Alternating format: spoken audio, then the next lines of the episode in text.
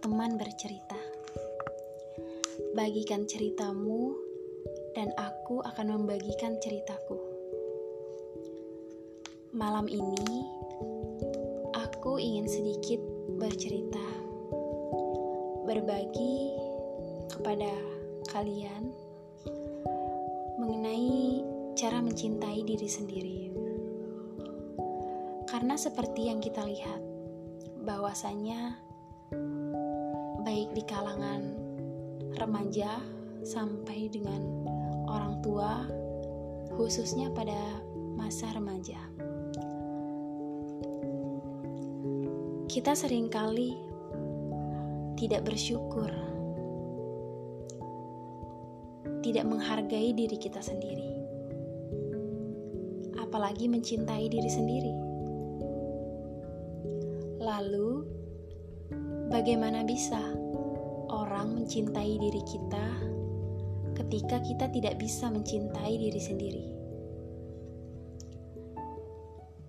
Mencintai diri sendiri itu sangat penting untuk kita sendiri, tentunya. Mencintai diri sendiri itu bukan tentang menyembah diri kita sendiri tapi menurut saya sih mencintai diri sendiri itu memahami kapan kita harus berterima kasih kepada diri kita. Kapan kita harus memuji pekerjaan kita.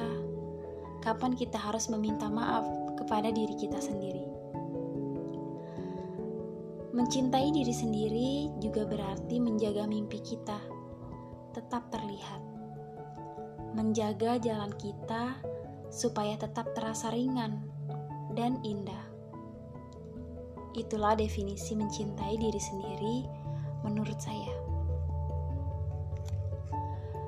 Mencintai diri sendiri itu bukanlah mengasihani diri atau mementingkan diri sendiri. Jadi, kita harus bisa membedakan antara mencintai diri sendiri dengan mementingkan diri sendiri.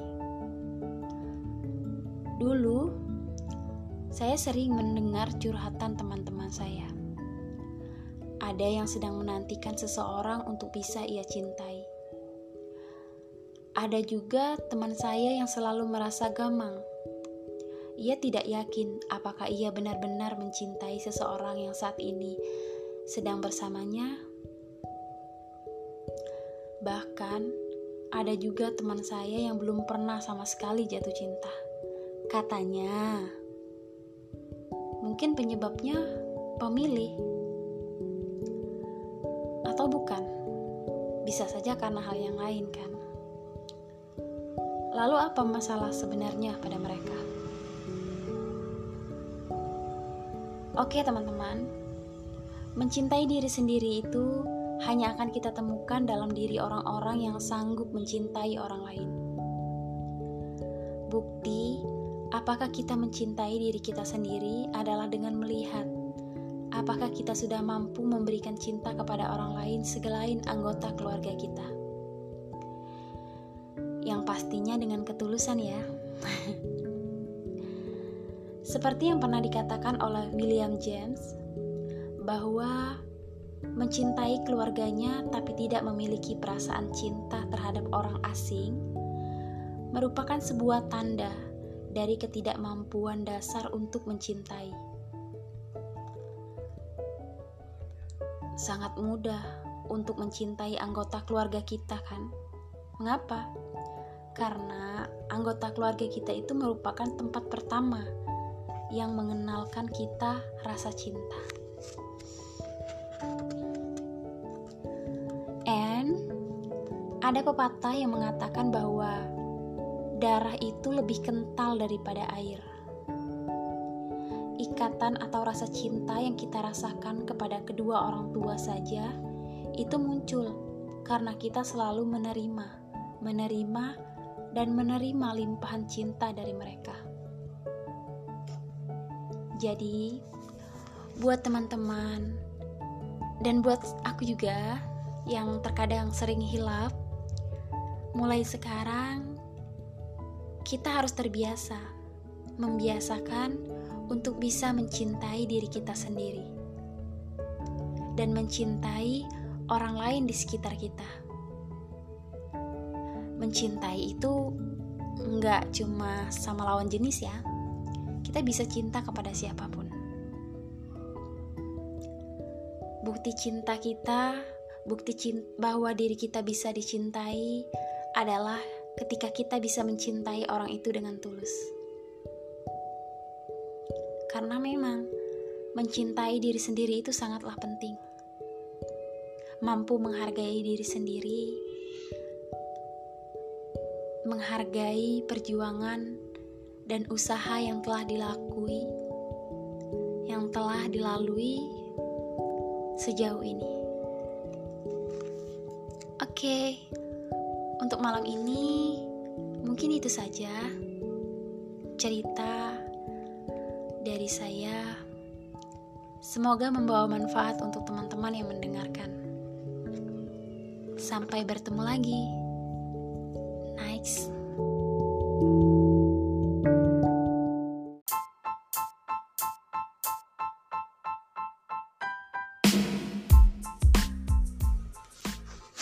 Hai, selamat malam. Bertemu lagi bersama saya, teman bercerita. Sudah berapa bulan ini jarang bermain sosial media.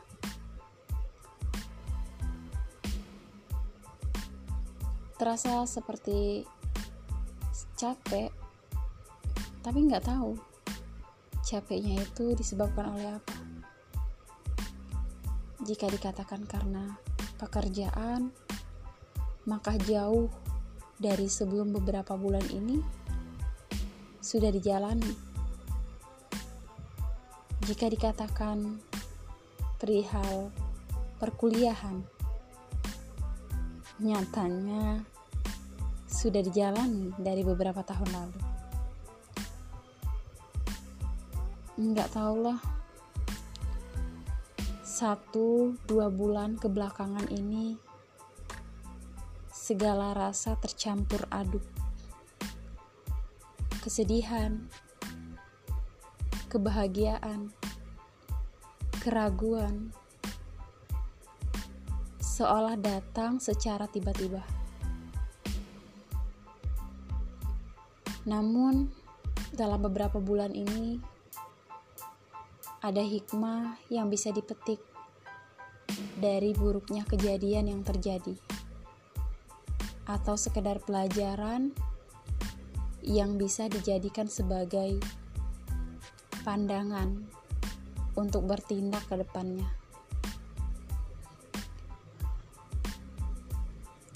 Malam ini aku akan sedikit berbagi cerita tentang aku yang mungkin mewakili dari beberapa teman yang sekarang berstatus sebagai mahasiswa akhir.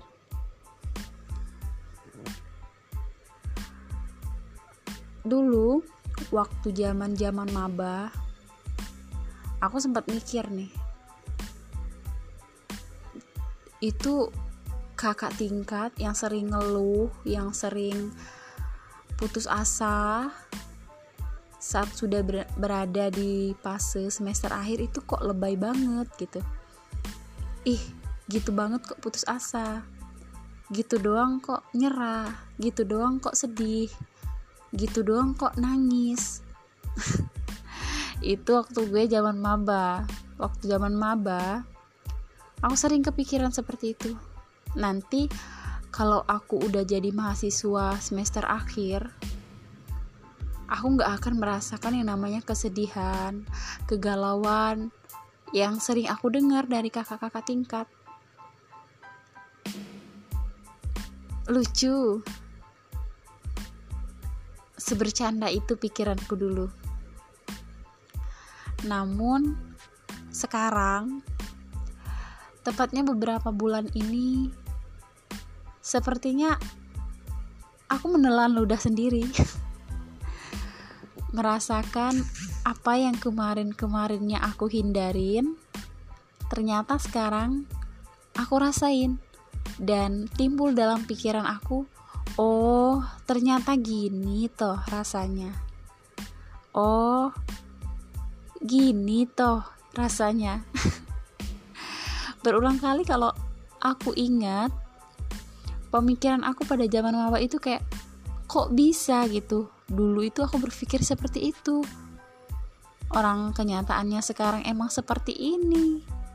Yang aku rasain itu relate banget dengan hal-hal yang aku pikir nggak akan aku rasain di zaman zaman maba. Seperti galau mikirin judul skripsi proposal, laporan magang yang datangnya tuh secara tiba-tiba gitu.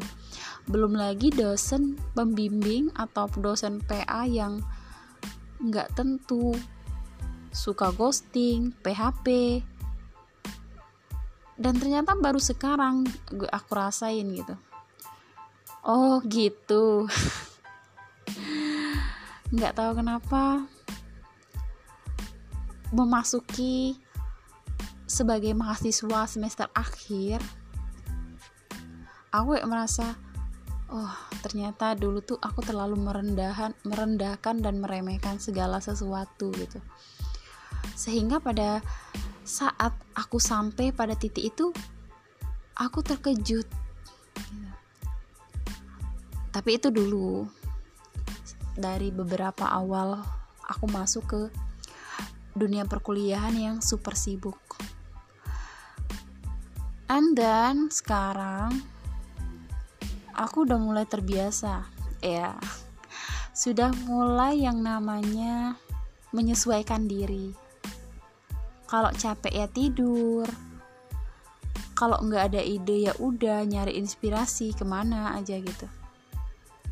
Ya yang bikin hal-hal bisa mencairkan otak lah ya. Karena kalau dipikir-pikir untuk sekarang ini kalau nggak diri kita sendiri itu yang menggerakkan itu tidak akan ada. Ya gimana ya? Semua itu berawal dari niat terlebih dahulu. Kalau dari diri kita sendirinya udah nggak ada niat itu akan susah untuk digerakkan gitu.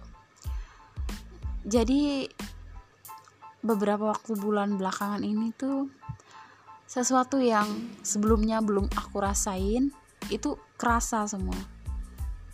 Ngeluh putus asa. Itu udah dilaluin semua. Dan semakin ke sini sih aku ngerasa ini adalah cara Tuhan untuk mengasah kita menjadi lebih dewasa dan menjadi lebih baik lagi dalam menanggapi sesuatu. Ya, semoga ke depannya bisa lebih baik lagi dan semoga selalu bisa bangkit ketika terpuruk. Gimana menurut teman-teman? Untuk teman-teman sekarang kalian sedang berada di fase yang seperti apa? Apakah ada yang uh, mempunyai pengalaman pribadi gitu yang hampir sama kayak aku yang waktu maba meremehkan kakak tingkat itu? Atau bagaimana